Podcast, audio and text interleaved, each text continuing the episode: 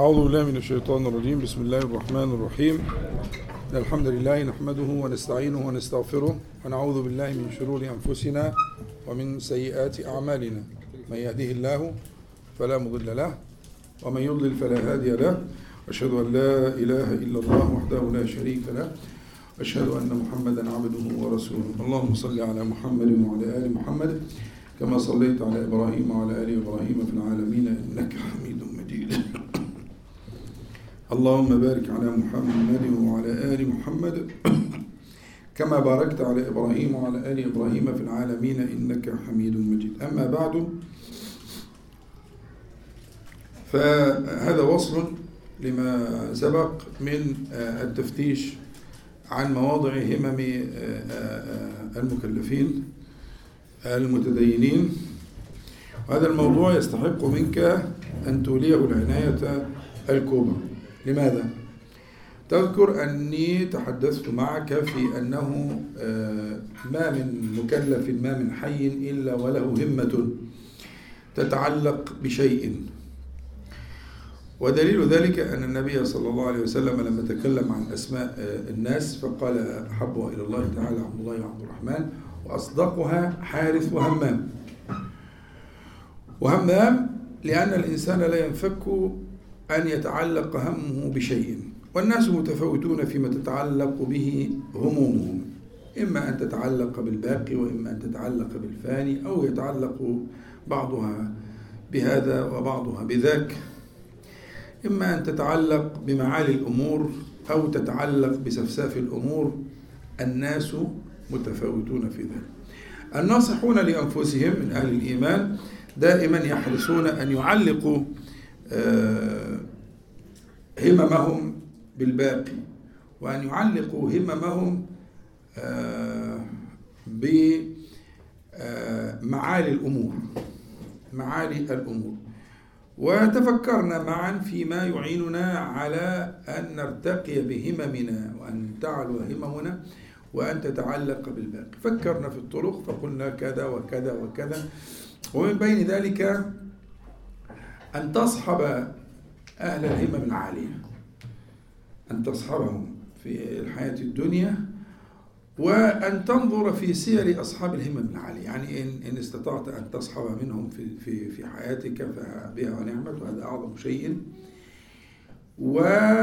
وكذلك أن تنظر في سير أصحاب الهمم العالية. نظرنا في همة أبي هريرة رضي الله عنه ورأينا كيف أن النبي صلى الله عليه وسلم قال له ألا تسألني كما يسألني أصحابك؟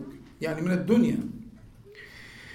ولكنه سأل شيئا آخر كما تذكرون. وكذلك ابن عباس وكذلك رأينا همة أبي بكر وإلى آخره. وإن شاء الله سنستمر في البحث عن همم الصحابة الكرام. أنا أريد منك أن تبحث عن همتك بين هؤلاء. يعني همم الناس متفاوتة كما ترى في حياتك الناس متفاوتون جدا فيما تعلقت به هممهم أين همتك أنت؟ أين همتك أنت وأين هؤلاء؟ اوعى تقول إن مفيش، مفيش ده خطأ، دي خدعة. همتك قد تعلقت بأشياء لابد أن تراجع تلك الأشياء. اللي ملوش همة لا ميت غير حي. طول ما الإنسان حي، طول ما همته ها تعلقت بشيء. على النحو الذي شرحناه ارجع للتفصيل في معنى الهمة من جهة اللغة ومن جهة الشرع فأنت لك همة وقد تعلقت مما يجدر إعادة التنبيه عليه أن الصحابة رضي الله عنهم وهم القدوة والأسوة في هذا المقام كانوا ناسا كسائر الناس. يعني إيه؟ يعني كانت لهم نزعات بشرية نفسية وكانت لهم كان لهم ما يرغبون فيه وكان لهم ما يرهبونه. كي زي كل البشر. لهم الرغبات وإلا أين يكون محل التكليف إن لم يكونوا كذلك؟ الصحابة يا إخواني الكرام كانوا بشرا. لهم ما للبشر من الرغبات والرهبات والخوف والطمع وكسائر الناس. ولكن الله سبحانه وتعالى اجتباهم واصطفاهم وشرفهم بصحبة النبي صلى الله عليه وسلم فترقوا معه صلى الله عليه وسلم في تلك الهمة. لكن هم كانوا ناس كسائر الناس بل يعني هم ربما كانوا في مجتمع من أشد المجتمعات البشرية انحطاطا. يعني مجتمع مجتمع مكة المكرمة والمدينة. المجتمع العربي عموما في في هذا الزمان زمان النبي صلى الله عليه وسلم كان من أشد المجتمعات البشرية انحطاطا. يعني البشرية كلها كانت منحطة بدليل الحديث الشهير إن الله تعالى نظر إلى أهل الأرض عربهم وعجمهم فمقتهم. إلا بقية من أهل الكتاب. كانوا أفراد كده في العالم. لكن العالم قد اسود بالظلم والإجرام وال وشيوع الفساد في الأرض وقلة التوحيد أو قل ندرة التوحيد في الأرض. فالأرض كلها كانت منحطة كانت في حالة انحطاط قبل بعثة النبي صلى الله عليه وسلم. لكن العرب بقى كانوا رتبة أدنى في الانحطاط. كأمة يعني كأمة. أمة منحطة جدا في كل شيء في كل يعني بدائية منحطة. لم يكن عندها أي صورة من صور الحضارة إلا صورة واحدة. فقط لا غير كل صور الحضارة كانوا في الأدنى من ذلك. هي صورة واحدة اللي هي اللسان بس. كانت حضارتهم حضارة لسانية فقط لا غير وكان الأمة الوحيدة التي أعلمها في التاريخ كانت تصنع أسواقا للناس أسواق يشهدها الناس للكلام. ما فيش أنا لا أعلم أمة في التاريخ صنعت للكلام أسواقا. دي الأمة الوحيدة في تاريخ البشرية. الأسواق يعني أسواق يردها الناس مش عند الشعراء الأمراء والملوك لا. أسواق يردها عموم الناس ويتبارى فيها الناس. وشاعر القبيلة ده أهم شخصية في القبيلة يفدونه بأرواحهم. فالكلام الكلام هو دي السمة الوحيدة اللي كان فيها صورة حضارية عند الأمة دي. لكن كانت أمة في النهاية من الانحطاط يبقى إذا الصحابة دول كانوا مش مش مش كانوا أفراد من تلك الأمة؟ ولا إيه؟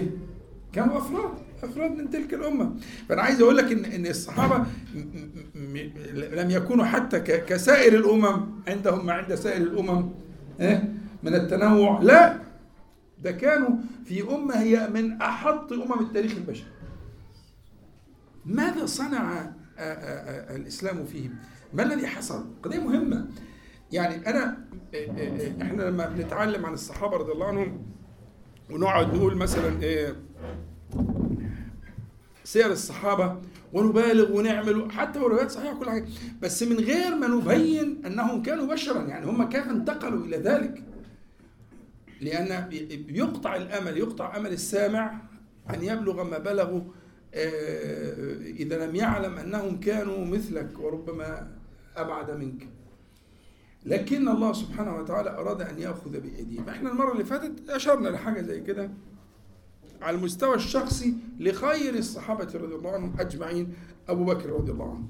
ورأينا كيف أن أبو بكر كان فيه في شخصيته أشياء منتقدة شديدة الانتقاد لكن إيه اللي حصل؟ ما هذه الشخصية الفذة التي صارت خير الناس بعد الأنبياء والمرسلين. هو ده الكلام اللي إحنا عايزين ننتبه له.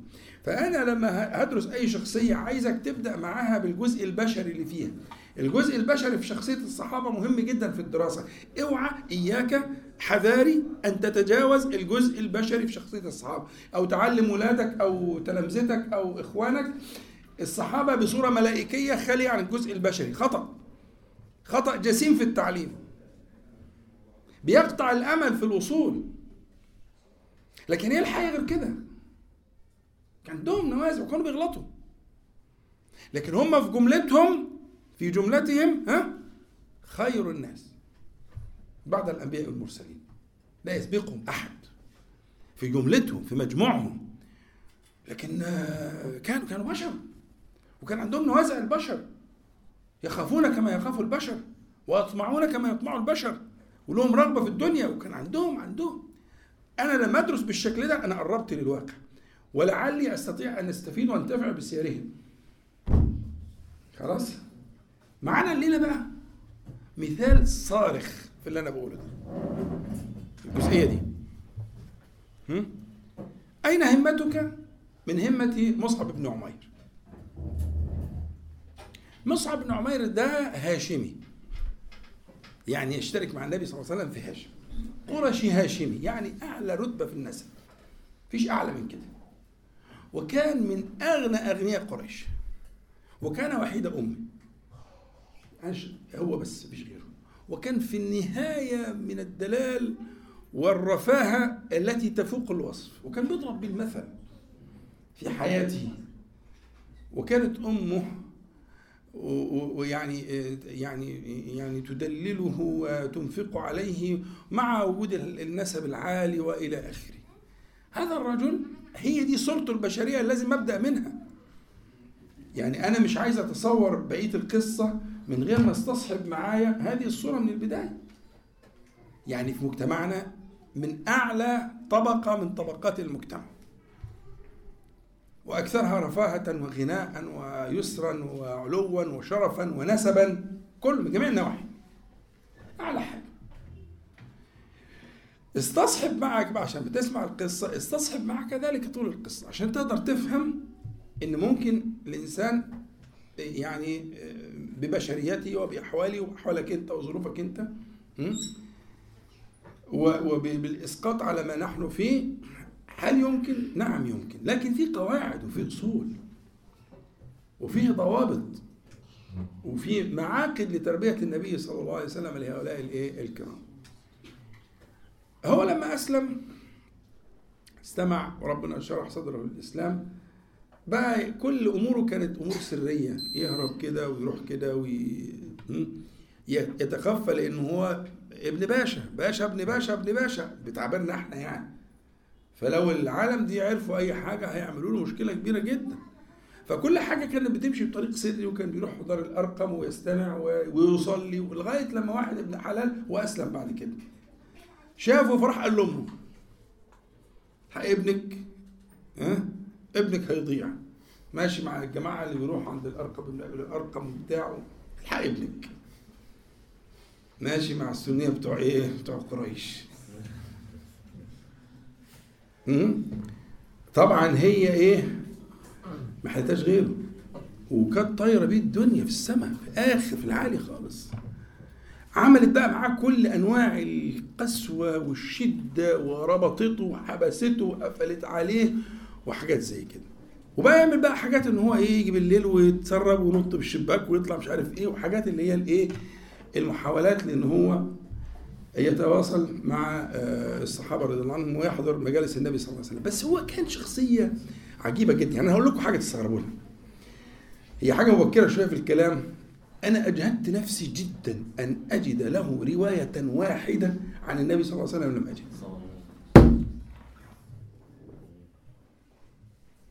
يعني في المسند ما فيش مسند مصعب. مسند الإمام أحمد معاه في أكثر من 30 ألف حديث. ما فيش مسند مصحف. بخاري ما فيش مسلم ما فيش كتب الأربعة السنن الأربعة ما فيش. إيه حكايته ده؟ وهو سترى حاله يعني. هو كان له شأن عجيب جدا مع القرآن الكريم. و... وكان له أسلوب معمول فيه دراسات. يعني أنا في عندي دراسات ماجستير ودكتوراه في أسلوبه في الحوار. وقدرته على الإقناع وإيصال الفكرة. كان موهوب جدا في الجزء ده. وربنا اداله ملكة عجيبة جدا في البيان. وكل كلامه كان أغلبه قرآن بس كان بيربط بين القرآن بين الآيات وبعضها. ها؟ وكان حليم جدا وصبور. وكان عنده ابتسامة لا تفارقه. فكان يجي الإنسان المغضب عليه يجي يقابله بابتسامه آه، هادئة جدا ويدعوه بلطف كده طب اسمع عجبك ما عجبكش اعمل سوي إلى آخره. المهم إن هو في في في هذا في في البداية العسيرة جدا دي آه، كان ممن هاجر الهجرة الأولى إلى الحبشة. وهجرة الحبشة الأولى كانت هجرة في منتهى منتهى المشقة. منتهى المشقة.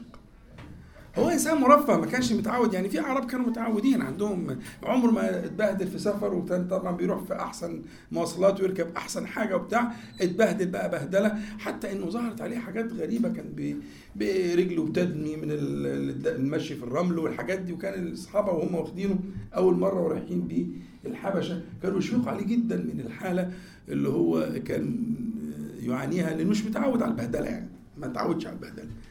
المرمطة دي ما وردتش لكن هو كان مستعد ذلك في سبيل الله تعالى.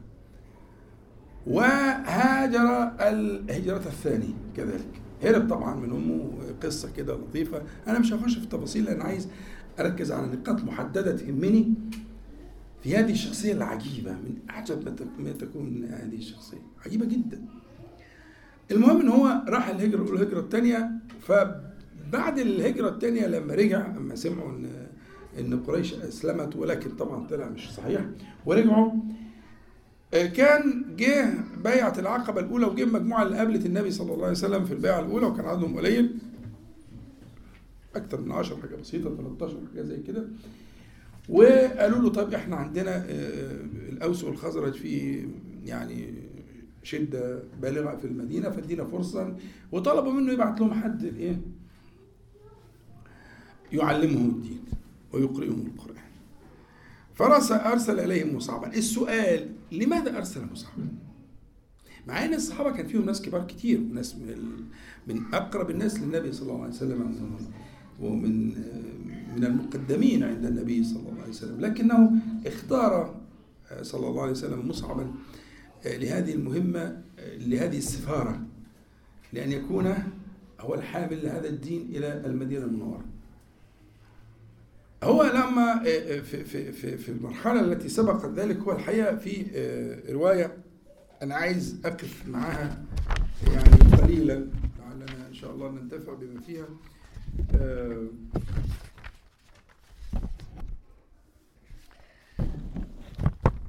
هو سيدنا سعد بن أبي وقاص بيقول لقد رأيته جهد في الإسلام جهدا شديدا. حتى قد رأيت جلده يتحشف كما تتحشف الحية. الوادي آه، من أكثر من جهة من طريق سعد ومن غيره. عارفين أنتوا إن الحية بتغير جلدها. عارفين حاجة زي كده؟ الحية بتغير جلدها. القشور دي بتطير كده وتغير جلدها آه، كل فترة كل كم شهر كده.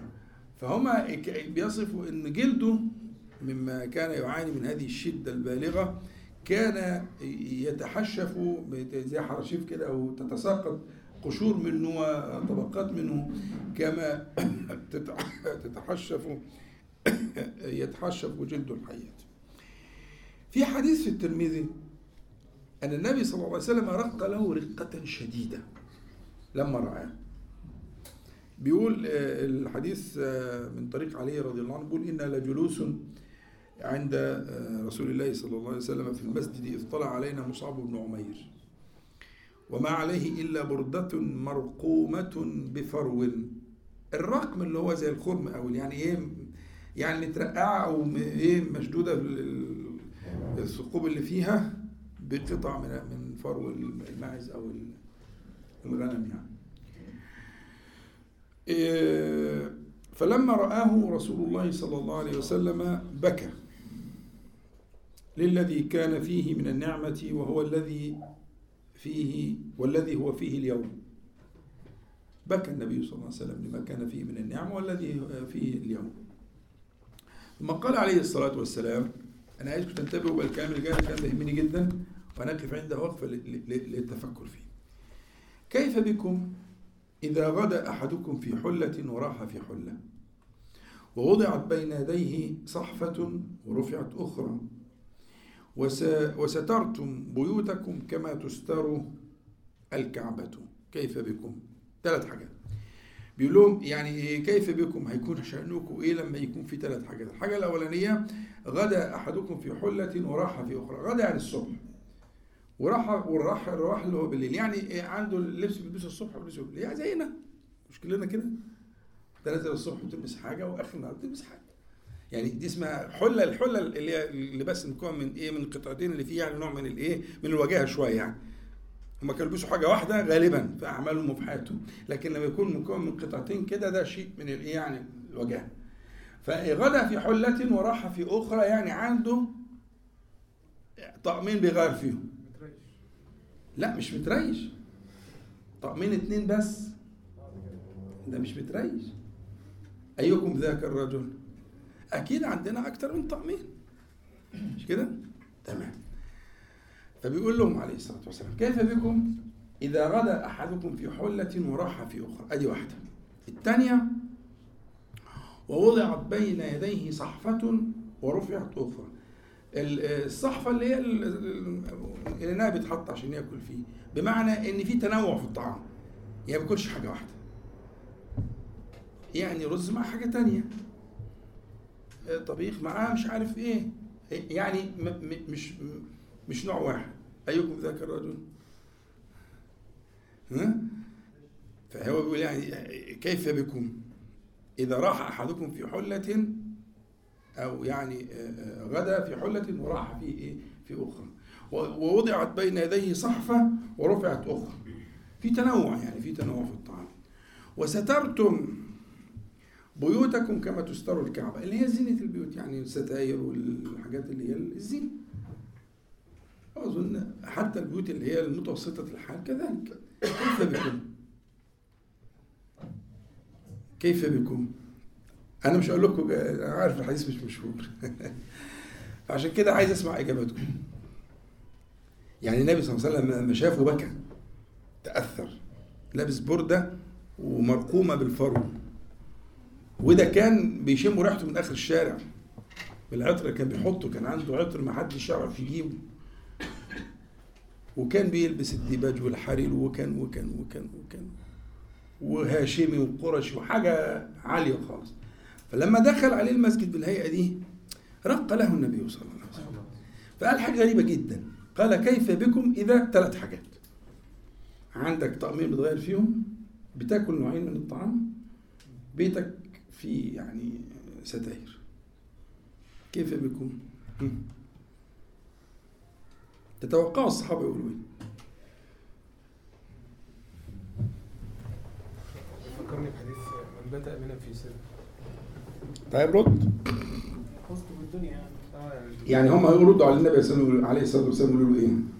أنا هو السؤال هو كيف بكم؟ تصوروا أنتوا قاعدين في مجلس النبي صلى الله عليه وسلم وشفتوا مصعب اللي هو كان بيضرب بيه المثل وكان كل شاب في مكة يتمنى يكون ربعه لقوا مصعب خارج بالصورة الهيئة دي. فقال لهم كيف بكم؟ لو حصل كذا وكذا وكذا. يعني كأنه النبي صلى الله عليه وسلم يقول ده احتمال يحصل. وتكونوا بالشكل ده. كيف بكم؟ مفيش. طيب. اسمعوا بقى الصحابة يقولوا افرح ولا يزعل آه. طيب شوف الصحابة يقولوا إيه. ده يهمنا جدا. صلوا على حضرة النبي. صلى الله عليه وسلم. قالوا يا رسول الله نحن يومئذ خير منا اليوم. نتفرغ للعبادة ونكفى المؤونة. قراءة. ساعتها هنبقى نقدر نشوف مصالحنا بقى في الدين ونتعبد ون... ونقرأ والقرآن الكريم و... ونكفى البهدلة اللي إحنا فيها دي? قالوا نحن يومئذ خير منا اليوم بيان الخيرية دي نتفرغ للعبادة ونكفى المؤونة أظن اتفهمت كده؟ طيب النبي صلى الله عليه وسلم رد عليهم قال عليه الصلاة والسلام أنتم اليوم خير منكم يومئذ طب إزاي؟ بس الصحابة فهموا إحنا عايزين نفهم إزاي؟ خلاص يعني الدنيا ربنا وسع والدنيا بقت ميسورة وعندنا طقمين بنغير فيهم وحلتين بنطبخ فيهم وبيوت فيها ستر وحاجات زي كده. كيف يكون ذلك؟ نحن الآن في الشدة اللي إحنا فيها دي خير من هذا الذي تذكر؟ هو هيجي كأنه يقول سيحصل ذلك وأنتم الآن خير. فقال عليه الصلاة والسلام أنتم اليوم خير منكم يومئذ. إيه وجه الخيرية بقى؟ ما جاوبتوش السؤال الأولاني عديتها لكم. الدنيا دخلت عليهم آه. الدنيا دخلت عليهم. كويس. دخلت عليهم. يعني هم كانوا متصورين إن هم هيتفرغوا للعبادة. هم مش بيقولوا بنعمل كده عشان نلعب. اخد بالك يعني الساعة دي مش هنلعب معاها ده الساعة دي هنتعبد أكتر. هندرس العلم وهنصلي أكتر وهنتفرغ بقى نشوف مصالح الدين. يعني كده هنتفرغ لمصالح الدين. واخد بالك مش كده؟ إحنا بس لو الدنيا تظبط كده أشوف بقى أنا مصالح الدين كلها الهري اللي إحنا بنعمله في شغلنا والجري هنا وهنا وهنا والكلام ده بس لو ربنا يكفيني القصة دي ده أنا هعمل إيه؟ هجاهد في سبيل الله وهطلب العلم وأدعو إلى الله تعالى وهخرج في التبليغ وهكسر الدنيا. لا أنت اليوم خير. مع المشاغل دي والأحمال دي وال- النبي صلى الله عليه وسلم قال لهم كده. هم بس هم كلامهم برضه معقول يعني. يعني من جهة العقليه قالوا نحن يومئذ خير منا اليوم. عللوا الخيرية دي بحاجتين. قالوا إن إحنا نتفرغ للعبادة ونكفى المؤونة. خلاص. مفيش بقى جاري ورا لقمه العيش ولا حاجة. وخلاص نشوف مصالح ال- الدين وكده. لا أنتوا ليه؟ اولا أنت قلت يا محمد. آه إنه السعه الساعة إذا وسع الله تبارك وتعالى الساعة عليها ضريبة. ساعة الدنيا لها ضريبة لابد أن تدفع. وهذه الضريبة يعني قليل من ينجو منها. طبعا ينجو منها بعض. الموفقين السعداء. لكن السعة قليل من ينجو منها. النبي صلى الله عليه وسلم في الحديث الصحيح يقول إيه؟ والله ما الفقر أخشى عليكم ولكن أخشى أن تبسط الدنيا عليكم كما بسطت على من كان قبلكم فتنافسوها كما تنافسوها فتهلككم كما أهلكتهم فهنا القسم للنبي صلى الله عليه وسلم لجذب الانتباه وهو غير مستقسم عليه الصلاة والسلام. انتبه للي جاي. والله انتبه. انتبه القضية دي قضية لن يخلو منها أحد. الناس كلهم لهم نصيب من ذلك. والله ما الفقر أخشى عليكم. عشان هو اللي بيخشى الفقر ده ده شبح الفقر ده عند الكل مش حد يخلو منه? والله ما الفقر أخشى عليكم. خشية الفقر. على فكرة خشية الفقر دي ممكن تكون سبيل للارتقاء والارتفاع? مش النبي صلى الله عليه وسلم يقول خير الصدقة أن تصدق وأنت صحيح شحيح تخشى الفقر وترجو الغنى. يعني تطلع صدقة وأنت مش فايضة يعني. مش فايض مش من الفائض. أن تصدق وأنت صحيح يعني مش في مرض الموت. أو يعني ها بدأنا في في في, في السلم الهابط. لا أنا في عز كويس أنا كويس الحمد لله كويس الحمد لله. صحيح. شحيح يعني مش موسع عليك مش ميسور. بتاخد من ال? تخشى الفقر وترجو الغنى. فخشية الفقر دي مش ليست عيبا. ربما تستثمر يمكن استثمارها في الإصلاح في إصلاح النفس البشرية وفي العمل الصالح. خدت بالك؟ فقال لهم عليه الصلاة والسلام أنتم اليوم خير منكم يومئذ. أنتوا في كفاية في نعمة. في نعمة وبيعلق عليه الصلاة والسلام على على مصعب الذي خرج بهذه الهيئة. التي أبكته يعني هو تأثر عليه الصلاة والسلام لكنه يحق الحقيقة التي ينبغي ألا تغيب عن عن أحد منا إنه صلى الله عليه وسلم آه، آه، ينبه أهل الدين إلى هذه الحقيقة. قضية قضية أن يكون القلب مشغولا بهم الآخرة كما كان آه، كبار الصحابة رضي الله تبارك وتعالى عنهم. طبعا هو آه، مصعب لو أنت عايز تشوف آه، فكرة آه، اختيار النبي صلى الله عليه وسلم ده ممكن يبقى له مقام تاني اشرحه ان شاء الله لأن ده موضوع مطول اللي هو ما وهبه الله سبحانه وتعالى من مسألة ال- ال- الحوار والبيان وال- والصبر وال- والدعوة والجدال والى آخره. فاختاره رضي الله عنه من بين كثير من أصحاب النبي صلى الله عليه وسلم لهذه المهمة الجليلة. وفي الحقيقة هو ربنا سبحانه وتعالى كتب على يديه آه، فتحا عظيما. آه، لو أنا سألتك مكة فتحت إزاي؟ آه، العراق فتحت إزاي؟ الشام فتحت إزاي؟ مصر فتحت إزاي؟ ها؟ اليمن فتحت إزاي؟ هم؟ المدينة المنورة هي المكان الوحيد الذي فتح فتحا خاصا. لم تفتح المدينة كما فتحت أي بلد أخرى. فتح خاص بالمدينة المنورة. المدينة فتحت بالقرآن فقط لا غير. وبشخص واحد. ثم أرسل إليه ابن أم مكتوم بشخص واحد. بالقرآن الكريم. فتح الله تعالى المدينة المنورة بالقرآن الكريم. على نهاية السنة على موعد الحج اللي بعديه لما راحوا بقى في في بيعة العقبة الثانية وكانوا حاجة وسبعين وامرأتان ها؟ لم يكن بيت في المدينة إلا وفيه مسلم. المدينة كلها. أوس وخزرج بالذات الأوس.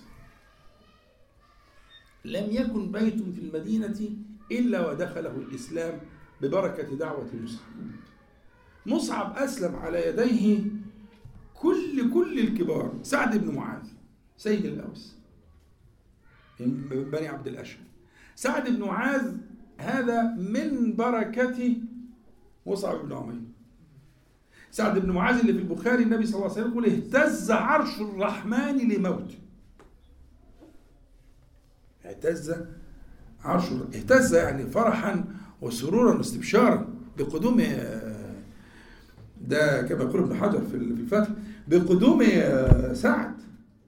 سعد بن معاذ ده من بركة مصعب ومن صبر مصعب في دعوته و و و, و أسيد بن حضير الرأس الأخرى للأوس. ها؟ أسيد بن حضير ده الذي قال له النبي صلى الله عليه وسلم أوتيت مزمارا من مزامير آل داود.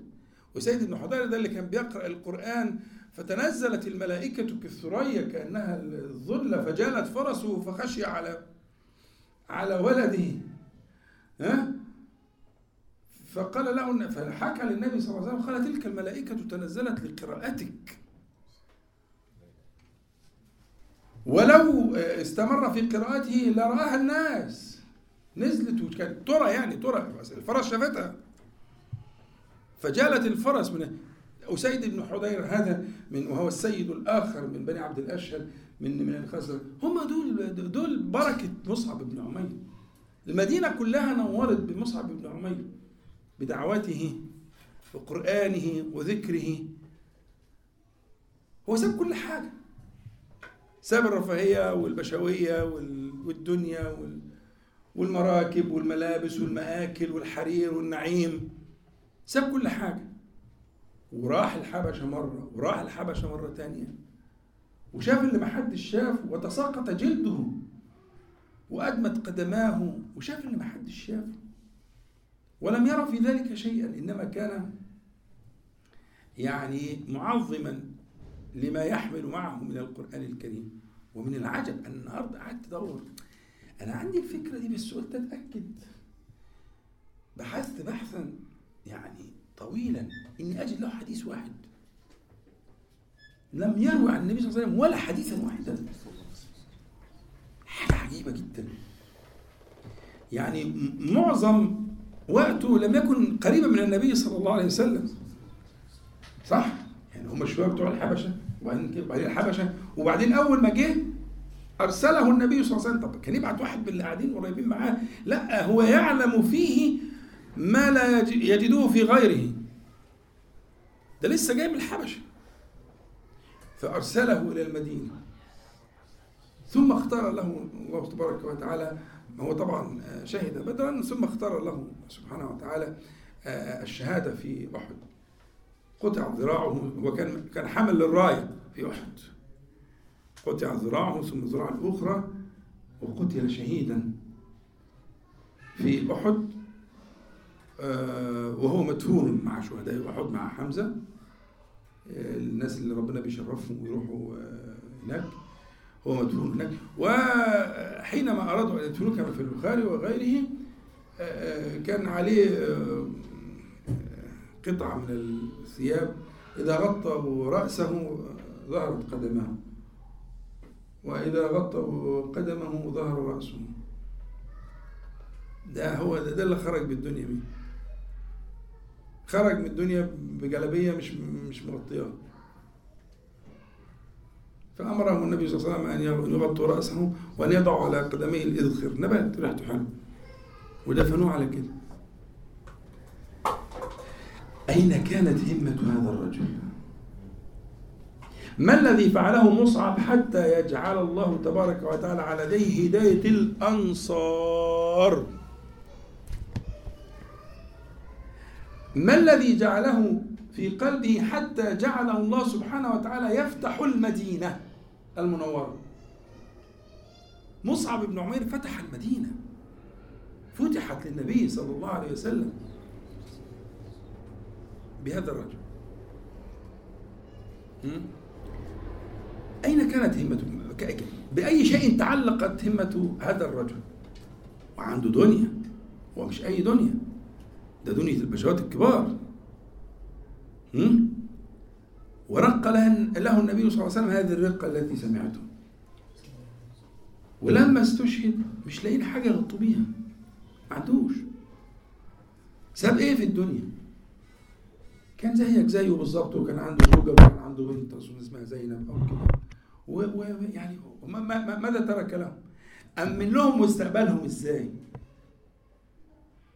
أمن للزوجة والبنت أمن لهم مستقبلهم. كيف أمن لهم هذا المستقبل وعمل لهم؟ ماذا صنع؟ يعني يعني في الحقيقة إحنا محتاجين إن إحنا نراجع أنفسنا. يعني كانت لهم دنيا وكانت لهم مطالب وكانت لهم زوجات وكان لهم بيوت وكان لهم كل شيء. لكن كانت همتهم متعلقة بشيء يعني رضي الله عنها. هذه الأشياء التي تعلقت بها القلوب فبارك الله سبحانه وتعالى فيها. أول من جمع جمعة في الإسلام هو مصعب بن عمر. أول صلاة جمعة في الإسلام في المدينة المنورة. صلاها مصعب بن عمر. تلامذته اللي أسلموا على أيديه سعد بن معاذ وسعد بن زرارة كبار وخيار و... و... و... المدينة كلها رجالها ونساؤها صبيانها. كان نور يسير بين الناس في المدينة المنورة يشع نورا بالقرآن اللي معاه. واخدين بالكم؟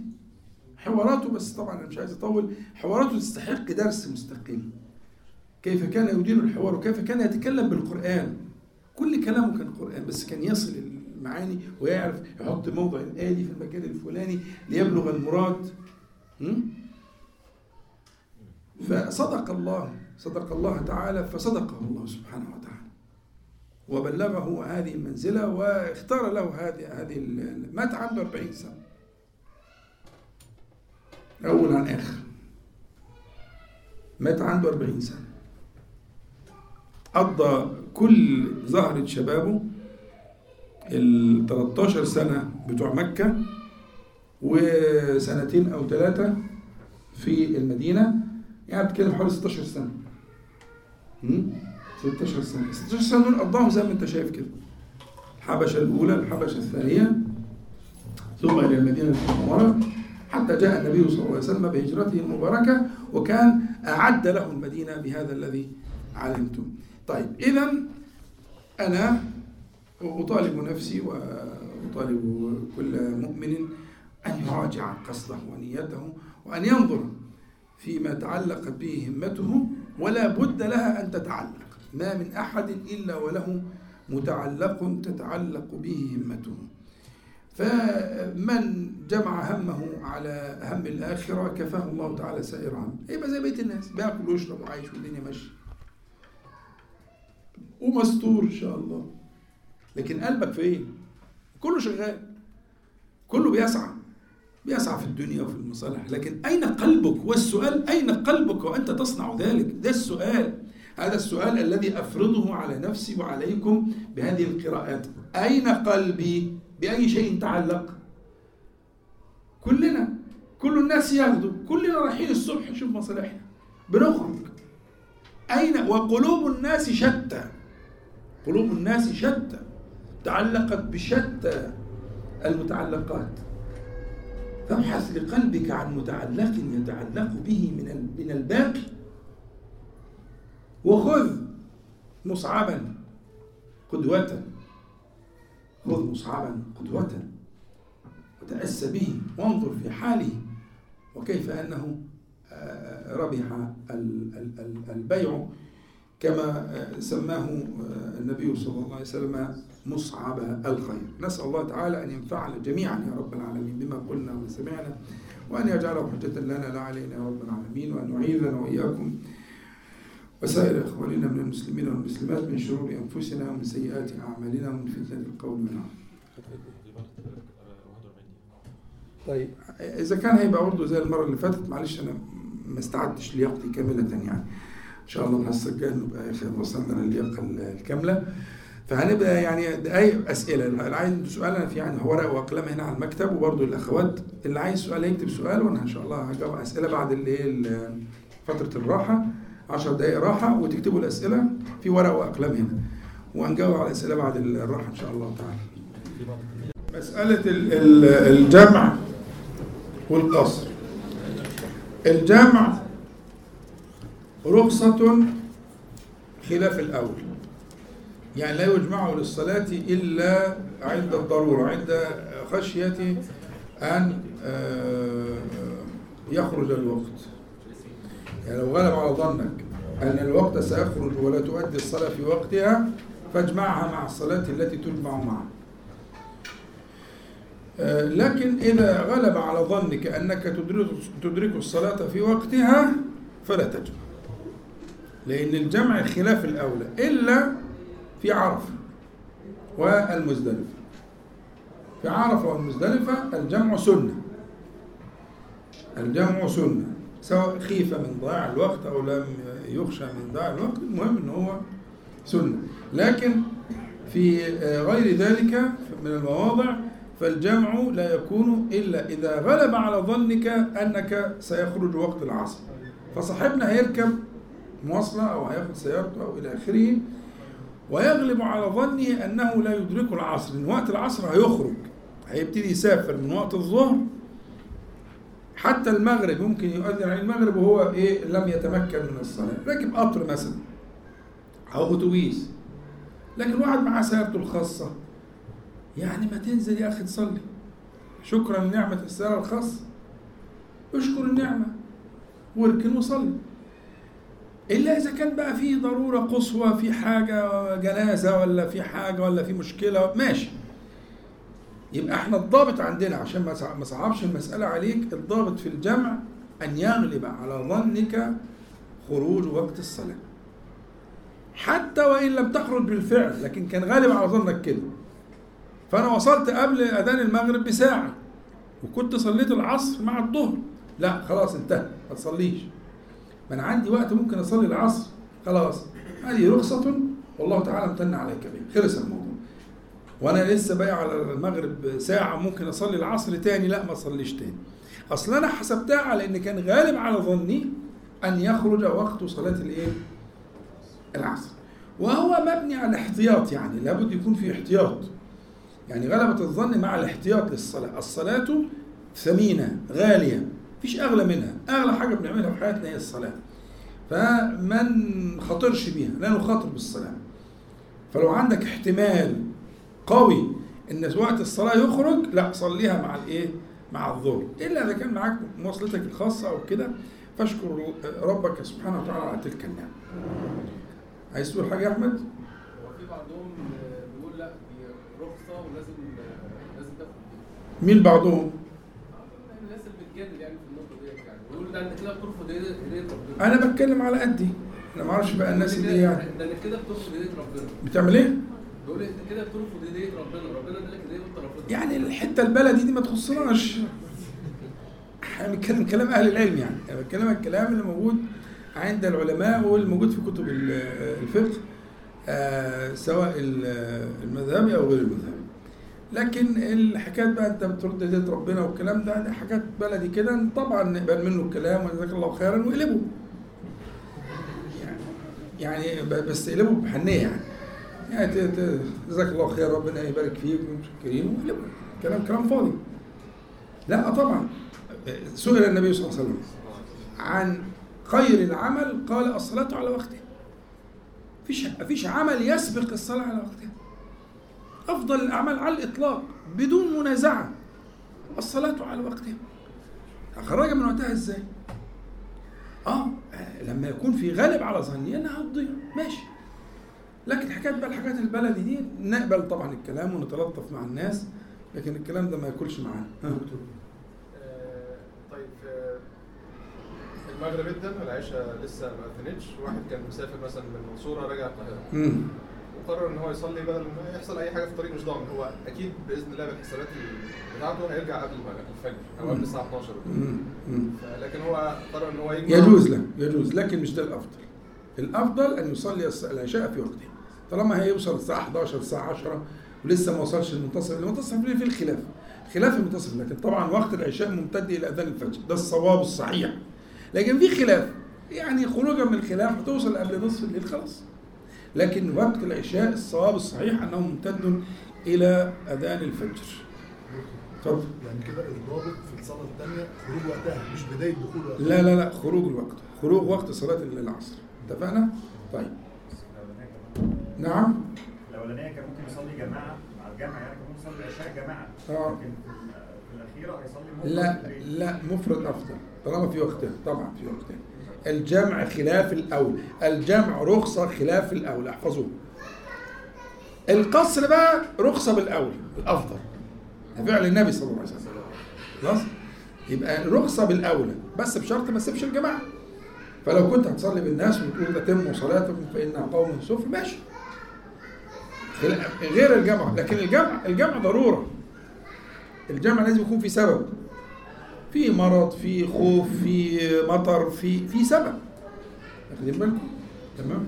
طيب. هل هناك نهي عن تشميل الثوب أثناء الصلاة؟ آه في احاديث كتير نهى رسول الله صلى الله عليه وسلم عن كف الثوب. وفي بعض الروايات فيها تاء كفت. كف أو كفت. كف الثوب أو كفت الثوب. وكذلك كف الشعر.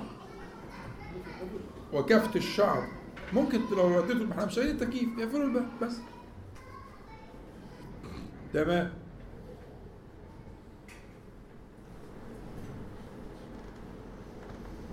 في أخ مشاعر بتاع على لوحة كده مكتوبة على المساجد التركية يقول لك إذا لم تسمعوا أصوات الأطفال يلعبون أو يضحكون في آخر المسجد فاحذروا من الجيل القادم. فاهمين دي؟ عشان ما حدش يزعل العيال عاملة هوسة يعني. الهوسه دي ممتعة. الهوسه دي جميلة. صحيح إن ال- ال- الهوسة اللي هسمينا دي دي نعمة تنادي على شكرها. إن العيال عاملين دوشة بره دي نعمة. في واحد معاه جايب يافطة كده مكتوبة بس مكتوبة بالتركي بقى. حروف اللي هي ال- اللاتينية دي. ومين اللي ترجمها؟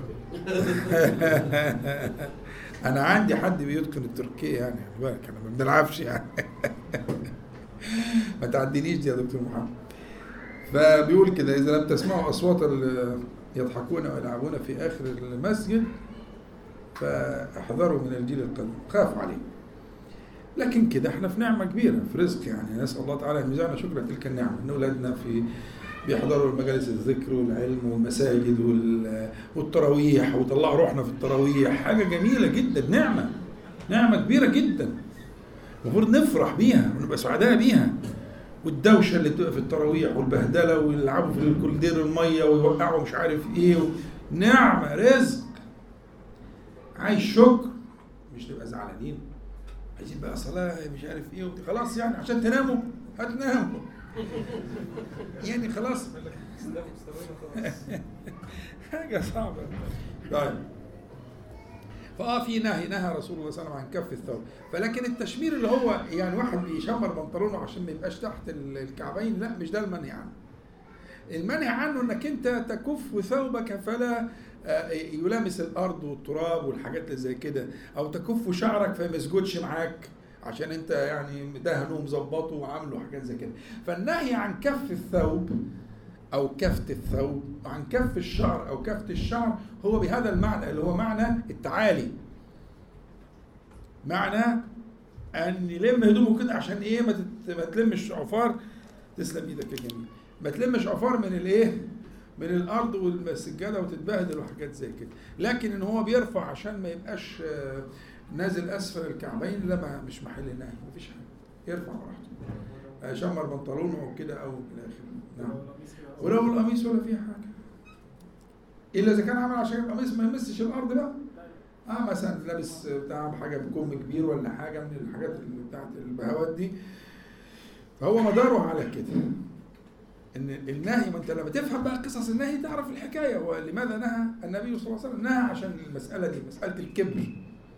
مسألة إيه؟ إنه متأنف من السجود على التراب لأن طبعا كانت مساجدهم بالحصباء وتراب زي عندنا يعني.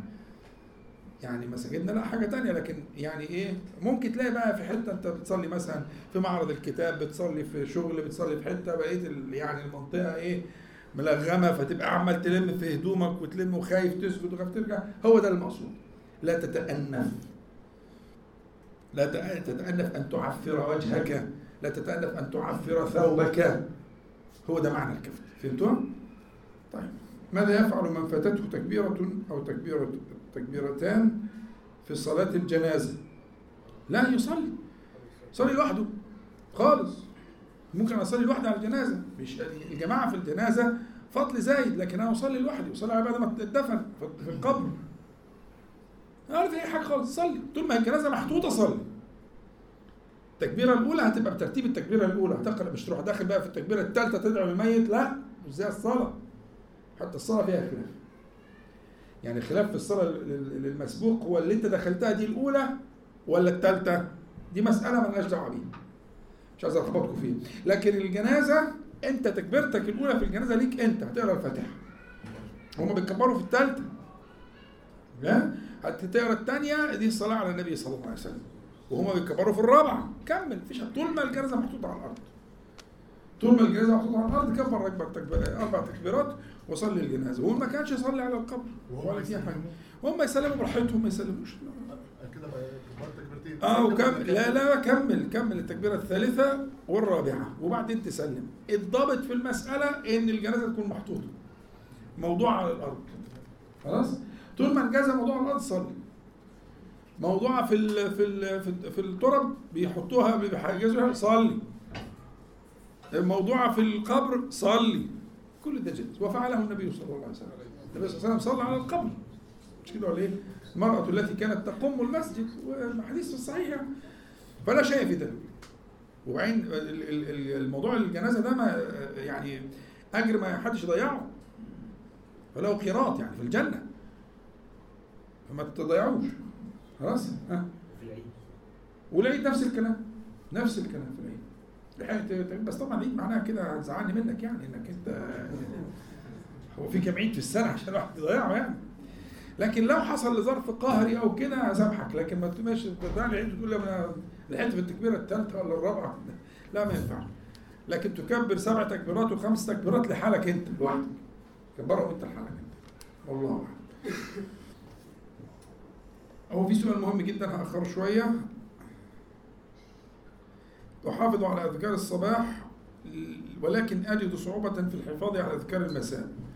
ده شيء متوقع طبعا لأن أذكار المساء غالبا بيكون في الأعمال وفي الشغل والحاجات اللي زي كده. إيه رأيك؟ أنا هقول لك على فكرة. صلي على حضرة النبي صلى الله عليه وسلم. توسل بأذكار الصباح لأذكار المساء. يا أيها الذين آمنوا اتقوا الله وابتغوا إليه الوسيلة. وأنت بتقول أذكار الصباح اسأل ربك أن يعينك على أذكار المساء وقول اللهم إني أتوسل إليك بهذا الذكر أن تبلغني ذكر المساء مفيش أجمل من كده ولا أبدع من كده. بيكون قلبك متعلق بذكر المساء وهتقوله إن شاء الله. وربك لا يجرب ربنا لا يجرب على اليقين. توسل بالممنوح باللي منحك إياه من غير استحقاق. للمرجو خلاص التوسل بسوابق الإحسان إلى مزيد الإحسان هو أحسن إليك فأعانك على الفجر مش كده؟ اطلب منه مزيد الإحسان بالتوسل بسابق الإحسان حفظت الجملة دي؟ صاحب السؤال حفظت الجملة دي؟ التوسل بسوابق بسوابق الإحسان إلى مزيد الإحسان ماشي؟ وما تجربش انت هتعمل كده على اليقين. وإن شاء الله هتصلي حتى تقول أذكار المساء. من عقوبات الذنب سلب النعم. هل بعد التوبة تعود النعمة بذاتها؟ تعود النعمة أبدا بسبب أو ولا تعود النعمة أبدا بسبب المعصية؟ لا تعود يعني ولا تعود. وهل يجوز الدعاء برجوع النعمة؟ ولا يعتبر هذا من سوء الأدب مع الله بأن ندعو بشيء آخر بشيء أخذه طبعا أنا يعني مع احترامي أرجو إن إحنا نهتم بحكاية اللغة العربية في الكلام وفي الكتابة وزيادة على على الهواتف والحاجات دي. عشان شاع دلوقتي إن الناس بتكتب حاجات يعني يعني ليست من العربية. فيعني أنتوا تقدروا ان ما شاء الله خطه كويس يعني ممكن يكتب يعني ان شاء الله. ف لا ده ممكن ترجع أكتر. وبشرك يعني. التوبة التوبة تعيد المرأة إلى ما هو أعلى مما كان قبله قبل الذنب. التوبة تعيده خيرا مما كان. لأن التوبة أضافت حاجات ما كانتش موجودة قبل كده. التوبة من أجل الرتب والمنازل في السير إلى الله تعالى. ولا يستغني عنها السائر الله مهما بلغ. بدليل أن النبي صلى الله عليه وسلم كان يقول فإني أتوب إلى الله تعالى وأستغفره في اليوم أكثر من سبعين مرة في رواية البخاري ومئة مرة في رواية مسلم. يبقى التوبة ستحملك إلى ما هو أعلى. مش النعمة لا ده تجيب لك نعم تانية فوق النعمة دي كمان. ما فيش أجل من التوبة. والله تعالى يحب التوابين. فمش النعمة لا ده نعم أخرى إن شاء الله. ما كفرت إذا كنت رأيت ذنبا فعله أحد فأخبرت به أحدا آخر بهدف أن يعينه على ترك هذا الذنب مع العلم أني لم أشهر به وكان على نطاق ضيق. مفيش كفارة ده عمل صح. بس المهم يكون الشخص اللي انت أخبرته ده له أهلية في الإصلاح. كويس؟ يعني والد للولد مثلا أو شيخ أو معلم لتلميذه أو مريد ما في كويس. بس ما يكونش من باب التشهير زي ما انت قلت. إنما قلت لمن له أهلية الإصلاح.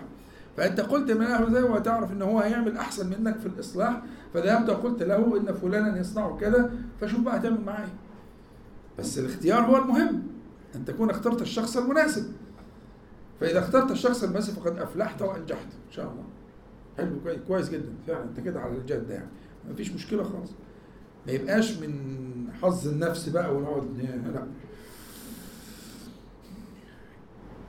كيف أتحول من النفس اللوامة إلى النفس المطمئنة؟ وكيف أعلم أني على هذه النفس أو تلك؟ لا ده ده ده درس. ده درس. ده ده درس يعني. آه الإنسان فيه ثلاث حاجات. في ثلاث حاجات. في حاجة اسمها الروح وفي حاجة اسمها النفس وفي حاجة اسمها الجسد أو البدن. خلاص؟ إحنا كلامنا على قضية النفس يحتاج لبسط. القرآن الكريم اعتنى عناية فائقة بالكلام على النفس البشرية. خدت بالك؟ يعني تقسيمها بالأقسام القرآنية وبالتفصيل يحتاج لوقت آه، يعني ممكن نخصص لها تراجعوا مع الباشمهندس ياسر. يخصص لكم قعدة نتكلم في الموضوع في تقسيمات النفس وأنواعها وعلاماتها وأماراتها والانتقال ووسائل الانتقال والترقية يعني ممكن نعمل جلسة في حاجة زي كده. هل يجوز تقبيل رأس زوجة العم مثلا بدلا من السلام عليها وهي في عمر أمه وقامت على تربيته؟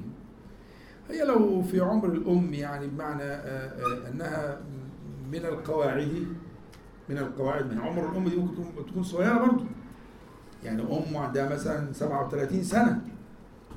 عندها 39 سنة. هو القرآن حط قاعدة تانية؟ القرآن حط قاعدة تانية مش في السن حط قاعدة تانية. إيه بقى قاعدة القرآن؟ القواعد التي لا يرجون نكاح يعني مثلها لا تشتهى مثلها لا ترجى كزوجة. ده الضابط اللي حصل معاه التخفيف. التخفيف جاي مع إيه؟ مع الصورة دي. لكن واحدة عندها ستين سنة بس آه، شكلها عندها أربعين سنة. فالسن ملوش عبرة في المسألة. العبرة في المسألة الوصف القرآني الجميل. القواعد جمع قاعدة. يعني التي لا تروح وتدخل وتخرج مفيش خفة مفيش حركة مفيش انتقال من هنا لهنا. القواعد. لا يرجون نكاحا يعني لا يرجى لمثلها النكاح. لا لا تشتهى لا لا ترجى في في في قضية النكاح. آه دي يحصل معها التخفيف ولا بأس أن تصنع بها ذلك؟ فإن كانت غير ذلك فلا تفعل. لا يرجون لا تشتهي ولا لا تشتهي. لا تشتهى مثلها لا يشتهى أنا قلت مثلها لا يشتهى مش هي نفسها يعني. لا. مثلها لا لا لا لا لا. مثلها لا يشتهى لا تطلب كزوجة. مثلها لا يطلب كزوجة. لا يطلبه الرجال للزواج. طيب آه، ذكرت آه، أن الصحابة كانوا بشرا فلو تكرمت تستفيد لنا آه، من تلك الجزئية فيما كان من حياة سيدنا مصعب بعد إسلامه خصوصا فيما يتعلق ببيته وزوجه وابنته. والله أنت عندك حق بصراحة. يعني أنا شخصيا ماسك نفسي في الموضوع ده. يعني عايز أعمل درس نجيب بس أنا عايز مش عايز يتفهم غلط يعني. ما يتفهمش إن إحنا بنقلل من قيمة الصحابة. يعني لما بتتقال مع ده يتقال مع ده بتمشي. واخد بالك؟ لكن لو جمعنا أنا ممكن أجيب لكم حاجات تشيب. من فعل مثلا أبي بكر وعمر وعثمان وعلي الكبار الأربعة أو آه، آه، خيار الصحابة. بس هيتفهم غلط. لكن هي لما بتيجي في وسط الكلام إن هم ده هيجي مع ده فبتتوزن. فهو يعني لا بأس بإن نتوسع. أنا جبت لكم إحنا دلوقتي اتكلمنا على كم الصحابة اتكلمنا على أبي هريرة وابن عباس وسلمان وأبي بكر ومصعب. خمسة مش كده؟ ممكن أجمع الخمسة دول مرة واحدة بس. يبقى إحنا كده إيه اتكلمنا عليهم فممكن من حقنا إن إحنا آه، ندج شيئا من بشريتهم. فهتبقى الدنيا ماشية لكن مش عايز إيه نعمل مصنف أو نعمل درس كامل في بشريات الصحابة فكان إحنا يتفهم غلط أو حد يخش في نص القعدة فيفهم الناس دي بتقول إيه على الصحابة يبقى ذهبنا بعيدا فلا بأس يعني إن شاء الله وبرضه الباشمهندس ياسر يفكرني إن نبدأ المرة الجاية الخمسة دول قبل ما نخش في الصحابة اللي جاية نتكلم في إيه؟ في في في قصص حكايات في الصحيح وفي في وفي السنن الصحيحة وإلى آخره كيف كان شأنهم يعني لكن عندك حق في دي أنا معاك في دي. هو الأفضل التنبيه بس ولا الدخول في التفاصيل يعني النفس بتقبل إنك تسمع أي حاجة عن الصحابة. ما هي لما بتيجي بالتعادل والتوازن بتمشي. أنا قصدي إحنا نوهنا وعرفنا إن هم بشر. وفي حاجات بس يعني إن إحنا نخش في التفاصيل. الناس نعم.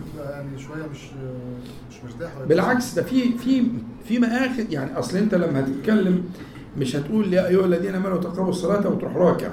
لو عملت كده تبقى كلامك صح. أنا معاك في كده. لكن أنت هتكمل القصة. يعني مثلا الذي حصل بين الخيرين بين أبي بكر وعمر في حاجات بشرية. لكن لما تكمل بقية القصة هتشوف قد إيه هم تداركوا الاثنين وكانوا يتسابقان في تدارك الجزء البشري اللي في الموضوع. يبقى أنا لما أقول أروي القصة بالشكل ده ها؟ لما قالوا قصة النبي صلى الله عليه وسلم قال دعوها فإنها منتنه الصحابة الكرام قالوا يا المهاجرين ويا للانصار خدت بالك؟ فلما اكمل القصة بقت بقت مفيدة لكن أنا مش هقدر أنكر الأشياء عشان هي موجودة في الصحيح ومشهورة. فأنا لما ادرسها بما ترتب يترتب عليها من الفعل الصالح يبقى تتوزن العملية فخلينا نمشي في الأمان يعني يبقى معتدلين إن شاء الله آه، جعلت وردا لي بعد كل صلاة يا ذا الجلال والإكرام عشر مرات. صلى الله على محمد صلى الله عليه وسلم عشر مرات. من أجل مشكلة عندي وعاهدت ربي إذا انقضى الأمر أن أحمد الله في اليوم مئة مرة كل يوم. وألتزم بالورد بعد الصلاة من أجل حل مشكلة أخرى. وإذا انقضت أحمد الله مئة أخرى وهكذا. هل هذا مناسب؟ جدا. بس غير قابل للنشر لكن مناسب جدا. أنت كده على الطريق. كده على الطريق. بس أنا عايز أحذرك من آه، صدقة البخيل. عارف صدقة البخيل؟ اللي هو النذر المشروط. النذر المشروط هو لي إن فعلت إن شفيت لي مريضي آه، فعلت لك كذا. طب وان لم يشفي؟ لا أنا آه أنا هعمل على كل حال وأرجو منه سبحانه وتعالى أن يبارك لي في ولدي أو أن يصلح كذا أو أن يشفي كذا. لكن أنا عزمت على العمل. فأنا بس عايز أعدل لك الفكرة بلاش فكرة المشارطة مع ربنا.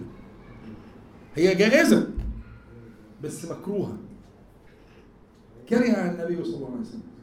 فش ال- ال- ال- النذر النذر المشروط واجب فرض بس مكروه. هو واجب لابد من أدائه لكنه مكروه. ابعد عنه. أنت تقول هعمل كده ويا رب اعمل لي كده بس لا تشارطه لا تشارط ربك. فابدأ ومشروع مبارك وإن شاء الله يعني سترى خيرا بإذن الله. هو ده الطريق. هو ده الطريق. أنت عارف هو ضايق عليك ليه؟ عشان تعمل كده. افهم بقى خليك ناصح هو ضيق عليك في الحاجات اللي انت بتتكلم فيها دي عشان تذهب إلى التحميد والذكر وال... والسكون بعد الصلاة. هو معاك عشان كده. ما يفعل الله بعذابكم يا مسكين. ما يفعل الله بعذابكم. وانت فاكر انت عشان إيه؟ وده عليك عشان إيه يعني؟ ده انت ولا حاجة. ده أقل من ولا حاجة. ولا حاجة دي قيمة. ما أصل هم حتى بتوع بيقولوا كده بيقولوا إن الصفر قيمة. مش كده؟ لا ده أنا أنا بسألك يعني كده جدعانه يعني. الصفر قيمة متناهية في الصغر. بس قيمة. بتوع الرياضة بيقولوا كده. الصفر قيمة متناهية في الصغر. أنا شايف نفسي أقل من الصفر. كده بقى أنت أنت على الطريق. مظبوط صح؟ لأنك لو شايف نفسك صفر برضه الصفر قيمة. لا أنا أدنى من الصفر.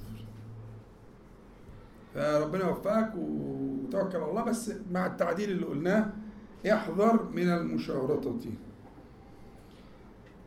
آه، ما هو نوع الحلاقة المنهية عنها؟ القذع.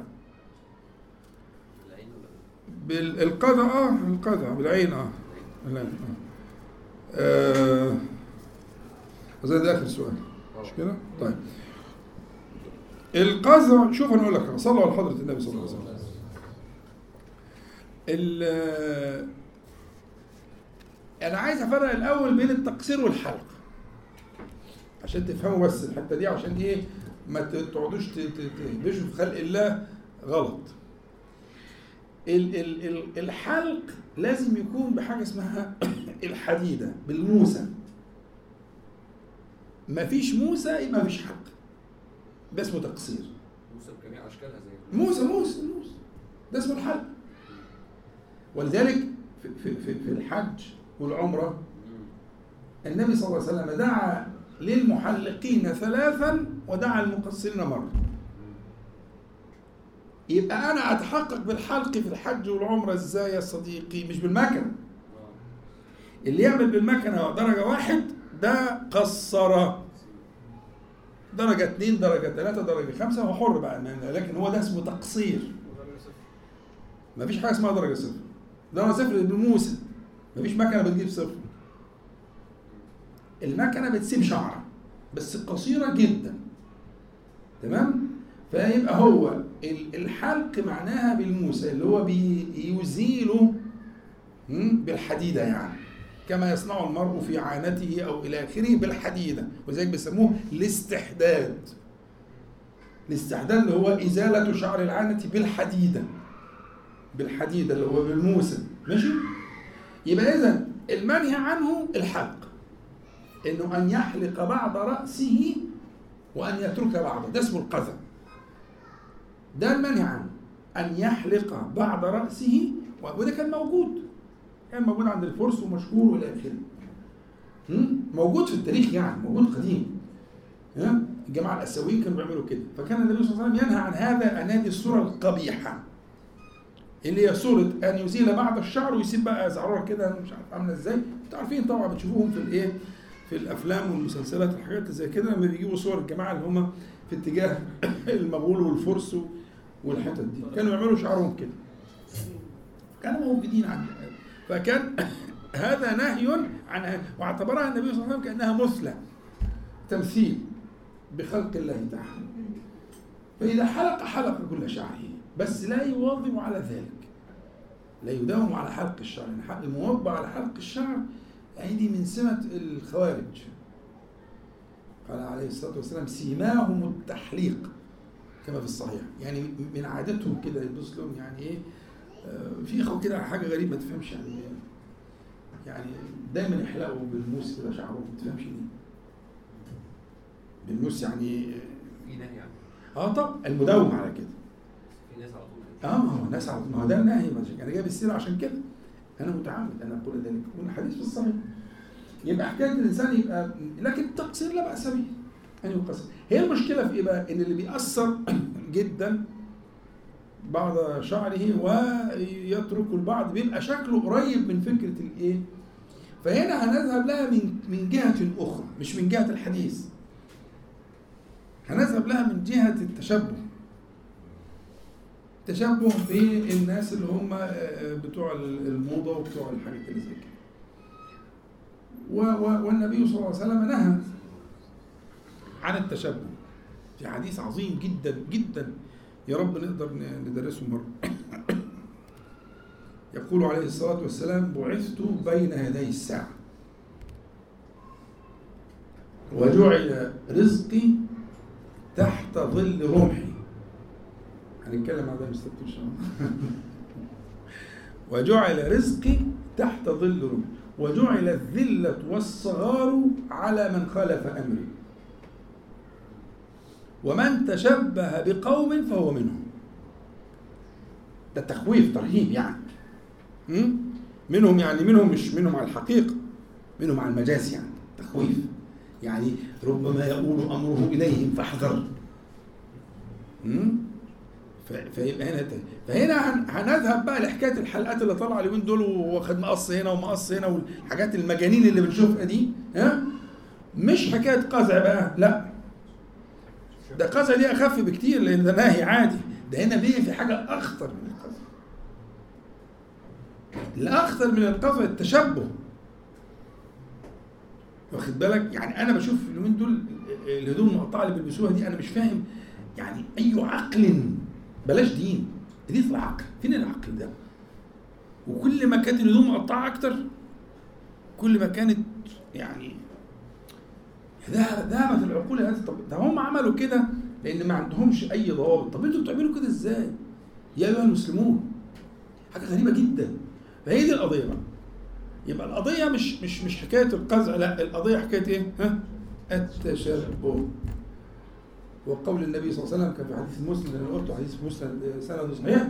ومن تشبه بقوم فهو منهم. الله أعلم عند سن روحي ظل رمح مش سن رمح. وجعل رزقي تحت ظل رمح. يجي يوم السبت بقى عشان انت تسمع دكتور لو حد بيحلق مثلا الجهاد يعني. ربنا وسع على النبي عليه الصلاة والسلام بالجهاد. وما أفاء الله على نبيه صلى الله عليه وسلم لأن له الخمس.